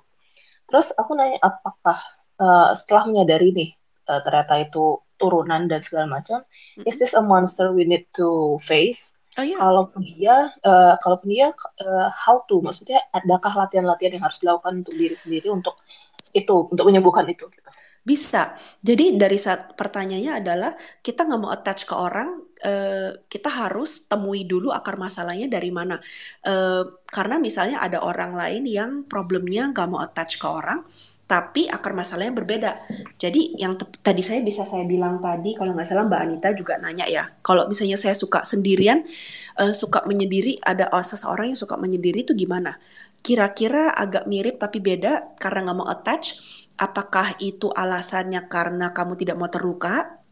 Apakah mama kamu pernah dilukain ketika dia attach sama orang dan uh, rasa percayanya tuh hilang karena dikianatin sama orang-orang tersebut, ya kan? Uh, jadi jadi kamu kayak overcorrecting apa yang mama kamu alamin. Oh, karena mama disakitin orang. Baiklah, aku akan memperbaiki pola dia, tapi kamu jadi overcorrect, so you don't let people in. Jadi kamu merasa takut attach. Atau apakah kamu atau misalnya uh, mama atau leluhur kamu pernah attach terus kayak merasa kehilangan orang yang kamu sayang banget. Jadi kamu merasakan, aduh, aku nggak mau nanti udah udah senang banget sama nih orang, terus tiba-tiba orang ini uh, meninggalkan aku, entah itu fisik atau perceraian atau meninggal dini begitu. Jadi kamu ada trauma yang takut attach sama orang karena takut kehilangan. Entah takut kehilangan atau takut ditinggal secara tiba-tiba. Jadi itu yang kamu harus temukan dan identify. Nah, caranya untuk menyembuhkan gimana? Nah, gampang aja sih karena pemulihan itu kan uh, pilihan satu, kedua itu tidak bisa terjadi dengan tiba-tiba ya overnight gitu. Jadi uh, be gentle with yourself praktek aja dikit demi sedikit dan reasoning aja oke okay. plus aku suka yang aku, latihan dengan um, plus minus apa plus minusnya kamu sekarang misalnya tidak attach oke okay. plusnya adalah kamu tidak tersakiti tidak akan pernah tersakiti ya kan? Uh, which is uh, misalnya plus gitu. Minusnya apa? Kamu nggak akan tahu rasanya mencintai orang seperti apa. That's the minus gitu. Oke okay kalau kamu coba memberanikan dirimu attach sama orang, gimana? Plus minusnya gimana?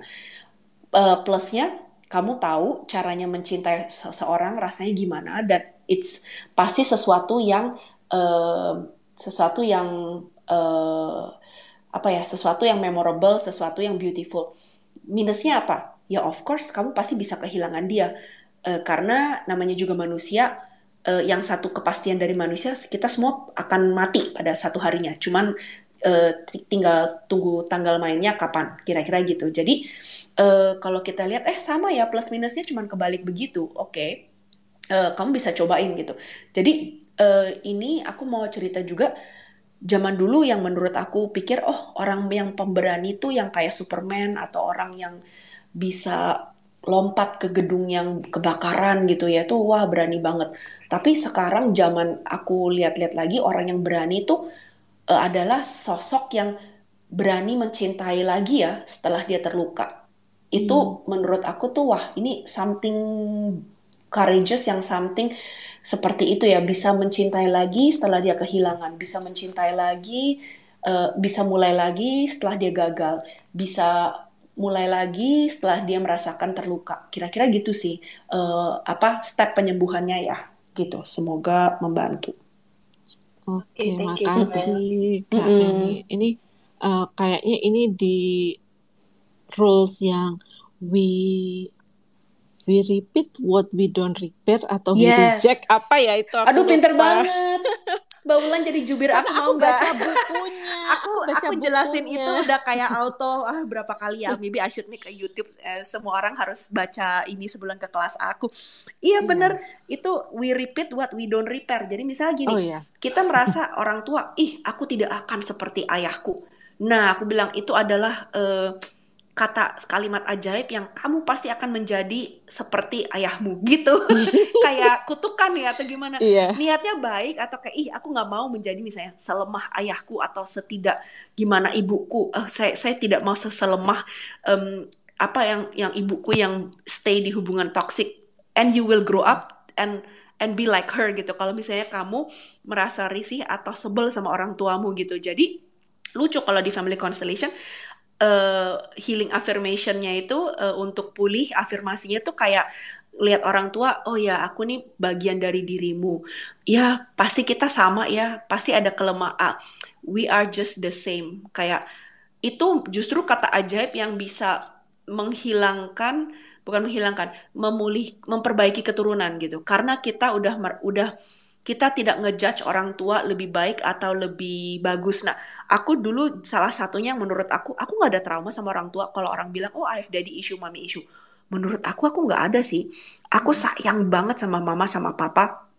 Aku tuh kayak merasa, aduh gila, mereka tuh kuat banget ya, pintar banget ya. Aku nggak akan seperti mereka. Congratulations. That is a mommy issue and daddy issue. Tapi kebalik, karena saya merasa, wah gila, tanpa sadar di balik uh, otak saya oh uh, require, jadi iya, ya. requirement untuk dicintai aku merasanya harus seperti jadi mama dan jadi seperti papa which I think nggak bisa sih karena gila zaman umur bokap nyokap dulu seumur gua tuh kayak udah punya rumah tiga, udah punya anak empat, udah berpendapatan. Gue cuma bisa berpendapat doang gitu, masih tiktok kan gitu zaman mereka gitu kan. Iya, And that is a mommy issue and daddy issue, tapi kebalikan karena aku sangat mengidolakan orang tuaku kayak wah mereka tuh hebat banget ya. Gila gue kalau bisa setengahnya aja kayak mereka tuh aduh happy banget deh. Nah, itu juga a problem gitu karena I don't feel worthy untuk uh, dicintain orang tua dan tanpa sadar lu nolak loh cinta orang tua lu gitu. Padahal yang hmm. menurut aku kayak I love them so much, tapi tanpa sadar aku juga nolak cinta mereka because menurut aku aku belum layak dicintai karena aku belum sukses dengan ekspektasi yang aku menurut aku tuh kayak seperti mereka. Gitu mbak. Jadi ini satu lagi yang kita nggak sadar trauma tapi sebenarnya trauma loh. Gitu. Hmm. Ya, uh, mm-hmm. kenapa saya bisa tahu itu semua? Karena saya sedang membaca bukunya Kak Melinda. jadi buku kasih. Family Constellation ini baru launching cetakan kedua, jadi bestseller di Gramedia. Selain Gramedia bisa dibeli di uh, Shopee. toko orange dan toko hijau mungkin toko ya. Orange. Oh, ya. itu namanya toko orange, baiklah. di ya, Alex Media ya. Oke. Okay. Karena kalau nggak beli di Alex Media itu nggak tahu ya aku baru sadar banyak palsunya Mbak bukan orinya. Iya, ya tersanjung sih saya maksudnya tapi ya eh, tersanjung tapi nggak tersanjung. Tapi kalau tapi misalnya capek beli ya nulisnya ya. Iya, kalau misalnya beli di toko Alex Media Shopee itu dapet stiker dan dapet tanda tanganku gitu. Sama ada hmm. greeting deh kalau nggak salah. Kalau beli sebelum tanggal 13 Agustus gitu. Jadi yeah. pastiin beli di toko ori Alex Media. Yeah. Oke, okay. apakah Anita mau ada yang ditanyakan? Aku sudah. Oh, Gimana Kak Reni? Apa sudah puas Reni? dengan jawabannya? Kalau sudah puas, oh, kita iya. Ini aku mau menyapa Fristi Tania nih. Jadi Fristi Tania juga teman aku juga yang kita bareng-bareng ikut Family Constellation waktu itu di bulan Desember atau Januari. Okay. Gimana Fristi? Ada improvement nggak setelah dikonstelasi oleh Kak Mei? Mungkin Fristi atau Fristi nggak bisa itu ya? Oke, okay, kayaknya uh, karena dia nggak available atau nggak bisa masuk ke uh, jadi speaker. Jadi ya pokoknya intinya uh, aku rada bias sama Cime fans banget di mana Cime berada. Di situ aku akan mengikutinya ke mana saja. Seperti terima ya, kasih. Ya karena aku butuh sih aku butuh banget untuk membereskan segala hal yang belum benar gitu yang iya. bikin itu. Iya. uh, jadi uh, Terima kasih banyak sudah hadir pada malam hari ini. Terima uh, kasih juga sudah sudah mengundang. Ya, dan teman-teman bisa ikut sesi online Healing Inner Child atau bisa beli bukunya lagi. Eh, maaf, beli bukunya di Gramedia atau di Alex Media. Dan jangan lupa untuk gabung ke komunitas Sukamaju karena karena kita uh, bisa saling share di situ. Oh ini uh, Fristi sudah bisa, sudah naik speaker. Oke okay, Fristi boleh kasih testimoni atau halo. apa? Sebentar aja, dua tes. menit. tes tes. Iya, halo Fristi. Suaraku kedengeran? Mungkin Kak Mei ingat Fristi ini yang datang sama mamanya waktu itu. Jadi aku, Fristi dan teman kita satu lagi Filia gitu. Kedengeran, kedengeran Fristi. Uh, boleh kasih testimoni oh, iya. buat teman-teman. Halo, selamat malam. eh, Halo, selamat semuanya. malam. Ya, eh, makasih banyak buat aku panggilnya apa ya? Kakak aja kali. ya. Terserah deh. Kakak nggak apa-apa. Eh, ikut Family Constellation kita bulan Januari ya Mbak Wulan ya kalau nggak salah ya. Iya, aku pulang ke Jepang sama kan. mamanya kan yang datang. Iya, Yang Betul ya. ke Golden Suaminya, Space kita. suaminya orang Jepang kan? iya. Masih inget. Ya. Iya. Jadi ya aku mau terima kasih banget dari sesi yang waktu bulan Januari itu aku bener-bener merasa itu dibantu sekali sama universe ya, sama Tuhan. Kayaknya bener-bener lancar gitu urusannya. Aku baru pertama kali datang, eh, aku kan di Jepang tinggalnya. Aku eh, datang dari Jepang. Untuk pertama kalinya aku bawa mamaku datang ke sesi Family Constellation. Langsung ditunjuk untuk Iya, Iya, kayak aku kaget ternyata orang lain itu tidak semuanya bisa langsung ditunjuk ya. Ada yang kayak udah berapa kali datang, betul. tapi belum belum Betul. pernah eh, ikut di ininya di stage-nya yang belum dikonstelasiin. Tapi aku Ya, merasa beruntung banget waktu itu. Terima kasih banget ditunjuk oleh Kak Mei dan ternyata eh, sangat mind blowing sekali ya permasalahannya. ternyata kiranya problem kamu, tetapi ternyata problem mamamu yang dia belum berkabung kehilangan ayahnya kan, Iya, kakeknya kalau nggak salah ya. iya. Iya, itu ini banget. Untung uh, saya suka kalau misalnya kamu bawa orang tua, orang tua bawa anak. Nah, itu karena pembuangan sampah bisa lebih efektif. Iya, bener. Saya selalu berpikir, Mm-mm. eh kenapa ya? Kenapa ya kok kok bingung gitu? Kenapa kok rasanya kayak ada rasa kurang suka sama ba- bapak gitu kan? Tapi kok sebenarnya Mm-mm. biasa gimana ya? Ternyata rasa itu Iya, bukan punya bukan punya saya, tapi punya ibu saya yang masih iya kan? dipenuhi oleh Dia bayang-bayang ayahnya sendiri gitu.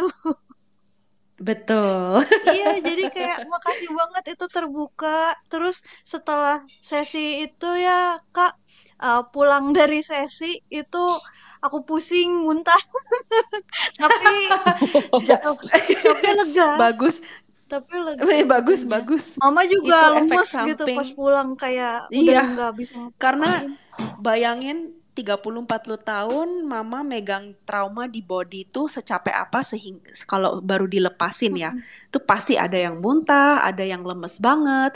Makanya setelah eh, family constellation saya selalu menyarankan relax ya, jangan dugem-dugem, jangan ke tempat yang riweh-riweh gitu, istirahat, mandi garam, minum air yang banyak karena kalau kita baru merilis trauma itu suka kalau kita dehidrasi suka pusing gitu. Hmm. Tapi eh, syukurlah aku bisa mendengar Iya. eh, Fristi efeknya setelah itu enak. Soalnya habis itu kamu tidak datang lagi kan? Ak- Aku tahu kamu di Jepang. Eh, sekarang baru dapet eh, bersambungnya nih Iya. di sesi Iya, ini. udah jauh banget sih perbedaannya sih, Kak. Jadi Mama jadi lebih sadar gitu, jadi lebih nggak kebawa ga- nggak gampang kebawa emosi lagi. Uh, terus Hmm, apa hubungan sama Papa juga jadi lebih baik soalnya Mama juga jadi apa ya kayak apa ya jadi kayak berusaha untuk yang waktu itu kan pernah bilang kan tujuannya ikut family konstelasi apa karena ingin mencintai suami dengan tulus gitu kan itu Iya, karena dicoba mama kamu belum bisa menjadi pasangan yang sepenuhnya hadir karena dia masih eh, tergantung dengan kepergian papanya Mm, sendiri gitu. Dia Iya, jadi dia nggak bisa hadir sepenuhnya untuk pasangan. Ya itulah dari family constellation yang mind blowing. Saya juga iya kenapa bisa kesengsem dengan healing metode Mm, ini karena cepat, efektif dan wow gitu. Wow banget. Kayaknya Wow banget iya ya. pokoknya intinya eh, jadi hubungan sama keluarga sekarang insya Allah ya insya Allah jadi lebih baik. Walaupun memang mungkin masih adalah trauma-trauma yang belum selesai tapi udah jauh lebih baik. Sama papa juga sekarang jadi lebih bisa bicara dengan keluarga. Sebelumnya kan sama sekali Hmm, nggak bisa lah kayak eh, nggak oh mau gitu. ngomong gitu lah ngomong tentang perasaannya ya kalau Hmm, ngomong hal-hal yang biasa ya, mah biasa aja cuman kemarin ya. terbuka papa juga jadi ya seneng aja. Oke, bagus ini ada satu lagi yang naik mau tanya namanya Zahro. Pertanyaan terakhir ya Zahro. Uh, minta tolong ya Kak Mei satu Oke, lagi. silakan, Zahro silakan. Oke, oke, thank you. Kami mau nanya dong, ini posisinya eh ini nanya apa lucu. Ini posisinya aku belum married, jadinya juga belum punya anak. Tapi pengennya nanti ya pasti pengen punya anak lah. Nah, aku lihat dari penjelasannya tadi, eh rasanya tuh nggak bisa sembarangan gitu punya anak karena jadi overthinking. Terus kata kayaknya itu amanah sekali kalau kita meneruskan generasi punya anak. Nah, ada nggak ya apa indikator mudah tahu kalau kita itu beres dan pasangan kita itu ah, atau calon pasangan kita atau waktu kita nyari itu oh ini bisa diajak untuk menerus apa ini punya anak nih. Oh dia juga udah beres kitanya udah beres ini udah beres. Ada nggak indikator gitu? Jadi gini. Karena nggak bisa sekali rasanya kalau kita warisin. Ya betul betul. Uh, nomor satu uh, aku dengar dari kamu ngomong begini aja kesiapan kamu udah mateng ya karena kamu bilang saya mau punya anak gitu. Jadi itu udah kayak 50% uh, anak itu udah merasa dimauin. Karena banyak anak-anak yang merasa uh, oh dia tuh untuk menyelamatkan biar pasangan gak selingkuh. Dia tuh anak untuk menyelamatkan uh, supaya cowok ini nikahin gua gitu. Nah itu kan udah nggak bener ya, bukan maksudnya anak itu dijadikan um, feel used. Jadi she's not wanted uh, dia kayak ada udang di balik batu yang ekspektasi dari anak itu gitu. Nah, dengan dengan kamu penjelasan gitu aja uh, aku udah seneng banget karena kamu merasa oke okay, aku mau punya anak. Anak ini merasa di mauin deh gitu. Tapi kalau kamu aku lihat hati hati-hati dengan over ya overthinking tadi ya. Karena pasti yeah. orang tua mau yang terbaik untuk anaknya. Nggak ada yang namanya orang tua nggak mau terbaik untuk anaknya.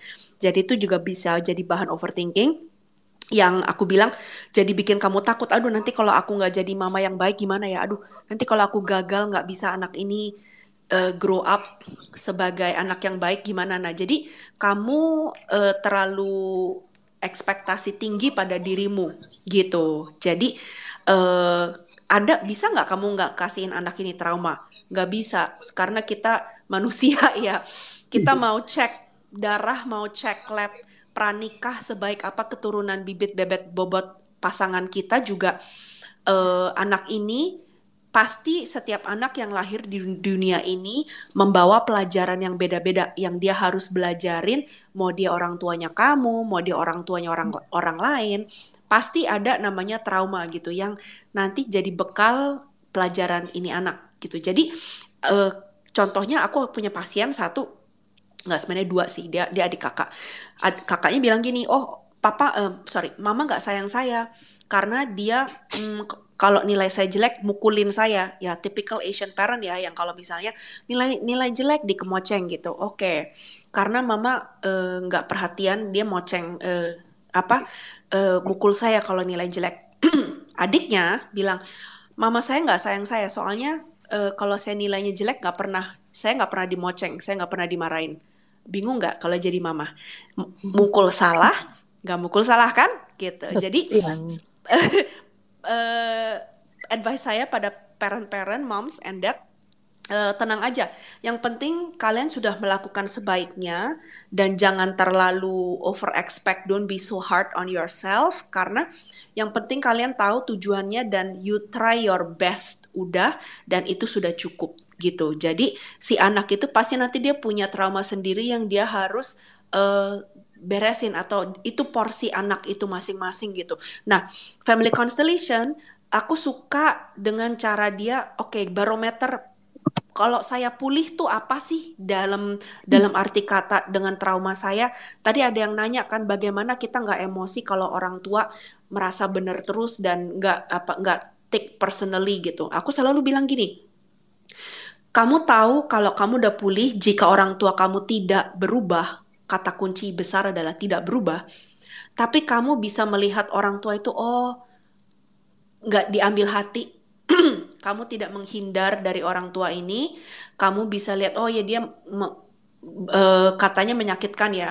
Tapi aku tahu dia dia itu cuman projecting ke saya bukan itu bukan ditujukan ke saya, itu ditujukan ke misalnya mamanya dia karena dia barangkali dulu tidak bisa mengucapkan ke mamanya kalau takut kurang ajar atau gimana gitu. Jadi bukannya orang tua yang berubah, kita yang berubah gitu. Jadi barometer untuk pemulihan tuh satu itu, kedua adalah uh, barometer pemulihan di family constellation adalah katanya tuh bantuan yang terbaik adalah jika kita tidak membantu sama sekali. Paradoks kan, yang dimaksud dengan tidak membantu sama um, um, gini, tidak ada yang bisa menyelamatkan kamu selain dirimu.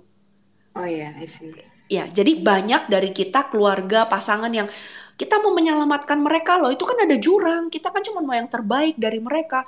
Uh, kan gak ada salahnya untuk kita mau menyelamatkan, mau membantu mereka, mau merubah, mau merubah mereka. Nah, di Family Constellation bilang gini, menginspirasi boleh, tapi ujung-ujungnya yang memilih untuk berubah itu si orang itu sendiri gitu. Jadi kamu gila kalau kamu frustasi karena dia tidak berubah gitu. Jadi intinya uh, kita bantu diri masing-masing deh gitu, karena itu adalah kesembuhan dan kepulihan yang sempurna adalah jika masing-masing orang itu hidup di takdirnya sendiri-sendiri, jalan hidup di sendiri-sendiri, semua akan bahagia gitu. Jadi gampang banget, semudah kita melanggar uh, prinsip ini semudah jika kita uh, saya mau jurusan dokter, tapi saya nggak suka jadi dokter sih karena papa mama suruh saya jadi dokter. Nah, itu udah melanggar prinsip ini karena kamu nurut papa kamu uh, menghidup uh, menghidupkan cita-citanya papa mama kamu, padahal kamu nggak passionnya di situ, gitu. Jadi itu yang membuat awal mula trauma atau kelanjuran traumanya diteruskan, gitu kira-kira. Okay. Jadi bisa Apakah diputus menjawab? ya berarti. Kenapa? Bisa diputus. Jadi, uh, warisan itu bisa diputus sih. Oh, bisa. Karena uh, kita tidak gini. Kita punya pilihan memutuskan rantai itu, tapi kebanyakan orang nggak punya keberanian itu karena nanti uh, dicap sama keluarganya, kamu berubah ya, kamu kok begini. Jadi gini, uh, definisi di family constellation itu ya, uh, apa namanya, anak baik, nggak ada yang namanya anak kamu kan mau punya anak ya, jadi nggak ada definisi yang namanya anak jahat lahir anak jahat tuh nggak ada. Semua tuh definisi anak lahir baik, tergantung kondisi keluarga itu apa yang menurut dia bilang itu baik atau jahat. Jadi misalnya gini, orang polisi bisa dibilang eh, uh, polisi itu adalah anak jahat jika dia lahir di keluarga pencuri. Lucu nggak? Karena dia akan mengkhianati uh, keluarganya. Misalnya, uh, ya kan pencuri ya, kamu pasti papa mamanya nanti kamu kenapa nggak bantuin adikmu, malah kamu jeblosin ke penjara, ya kan saya polisi pak gitu. Jadi bayangin nggak anak baik, anak polisi bisa dicap jadi anak anak yang jahat. Sedangkan jika anak itu besar, tumbuh besar menjadi pencuri, dia adalah anak yang paling teladan di keluarga ini ngerti ya. Jadi iya, iya. dinamikanya tuh bisa kebalik-balik. Jadi pastikan anak ini bisa menjadi dirinya sendiri dan tidak uh, menjadi sama atau menjadi seperti mini me atau mini version orang tuanya. Karena anak ini punya jalan hidupnya masing-masing. Gitu. Hmm. Oke. Okay. Thank you, Jawab thank ya, you. Kak Zahra. Thank you, semoga membantu. Biar lengkap yeah. sih, aku saranin beli bukunya terus ikut eventnya. Ya, ya, lihat di IG, lihat di IG aja ya. ya. Uh, follow Instagramnya ada, Kak Melinda dan ya, Family Constellation Lab. Setiap bulan ada ada sesi workshop online dan offline. Cek aja. Thank you. Sama-sama. Oke, apakah Kak Mei ada pesan-pesan yang terakhir sebelum kita tutup nih? Uh, ada. G uh, untuk para teman-teman, untuk singkatnya aja ya, aku sering ditanya, aduh paling enak tuh single atau married ya, atau nih aku udah cerai tapi mau pacaran lagi nggak ya, pusing lagi nggak? Terus jadi aku selalu bilang gini, jika kamu harus memilih untuk jadi single, untuk merit, untuk cerai atau kawin lagi, pilihlah untuk bahagia. Itu aja sih pesan aku. Pilihlah untuk bahagia. Wah, cakep iya. banget nih. Makasih gitu banyak sih. Kak Sama-sama. untuk malam hari ini. Anita, Sama-sama. boleh silahkan tutup acaranya. Ya, terima kasih banyak kami. Sama-sama. Teman-teman yang udah bertanya kalau uh, kalau misalnya ada yang mau lanjut didiskusikan atau ada yang mau curhat atau yang butuh teman pendengar boleh join aja ke uh, komunitas Growth Space di Discord. Linknya ada di atas ditulis Kelurahan Sukamaju. Dan kalau misalnya ada yang mau healing jangan lupa ikutan uh, acaranya kami di Sabtu ini. Atau bisa follow kami untuk tahu jadwalnya. Atau bisa juga uh, beli bukunya dulu untuk ya barangkali mau mau tahu lebih lanjut dulu soal family constellation gitu. Thank you. Tiket webinarnya Kak Mei yang untuk hari Sabtu bisa dibeli dengan harga 799 ribu ya. rupiah dari harga 990 ribu rupiah khusus last buat day. kalian yang hari ini last di Twitter day. Stay besok ya. sudah uh, normal 990. Iya. ya. Uh, aku sudah datang di 10 uh, eh, itu family constellation session ya. Semoga tidak bosan melihat Tidak bosan. Aku malah terinspirasi dari... ada ya murid teladan yang seperti ini yang sudah menjadi ibu gitu. Iya, jadi aku tahu saya. Kak Mei dari uh, sebuah podcast yang terkenal banget itu di bulan Februari 2022 dan 2 Desember tuh dapat kesempatan untuk ikutan. Sampai sekarang bulan lalu tuh aku masih ikutan. Bahkan ya Agustus awal aku masih ikutan dan bersama dengan anakku gitu dan aku bawa teman-temanku juga satu-satu satu gitu kan. terima kasih. Iya. Mohon maaf iya. saya bias Gak apa-apa. Terima kasih karena untuk uh, uh, tugas pemulihan itu perlu sekampung untuk uh, ini ya. Nggak apa namanya. Terima kasih untuk um, apa bias dan membawa teman-teman gitu. Jangan bosen aja. Nggak bosen. Aku lu lagi, lu lagi. lagi. Yes, jadi penyemangat gue gitu. Aduh, teman-teman bisa follow langsung Instagramnya Kak Melinda Sutanto di um, Sutanto Sutanto atau Family Constellation Lab.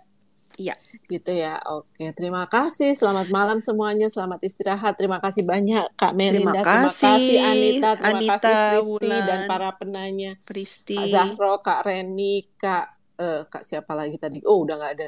Oke. Terima kasih semuanya. Tetap mm. stay tune di Growth Space. Yes. Thank you untuk mengundang. Thank you Kame. Bye bye iya, teman-teman aku N ya. Mohon maaf ya. jika banyak kesalahan saya. Enggak, tidak maaf. ada kesalahan. Terima kasih sudah mengundang. Dan mengajarkan saya bagaimana menggunakan Twitter. Oke. Oke, buat teman-teman yang pengen tahu nih lebih lanjut mengenai family constellation dan banyak hal nih tentang trauma, boleh follow juga Instagramnya kami ya di M, e, M Sutanto Kamelinda Sutanto. Juga jangan lupa follow Growth Space juga di Twitter, Discord, dan juga di Instagram. Bye-bye guys, and see you on our next Twitter Space. Bye-bye. Thank you, Kame. Thank you. Terima kasih, Kak Mei. Terima kasih, Debbie. Semuanya. Iya.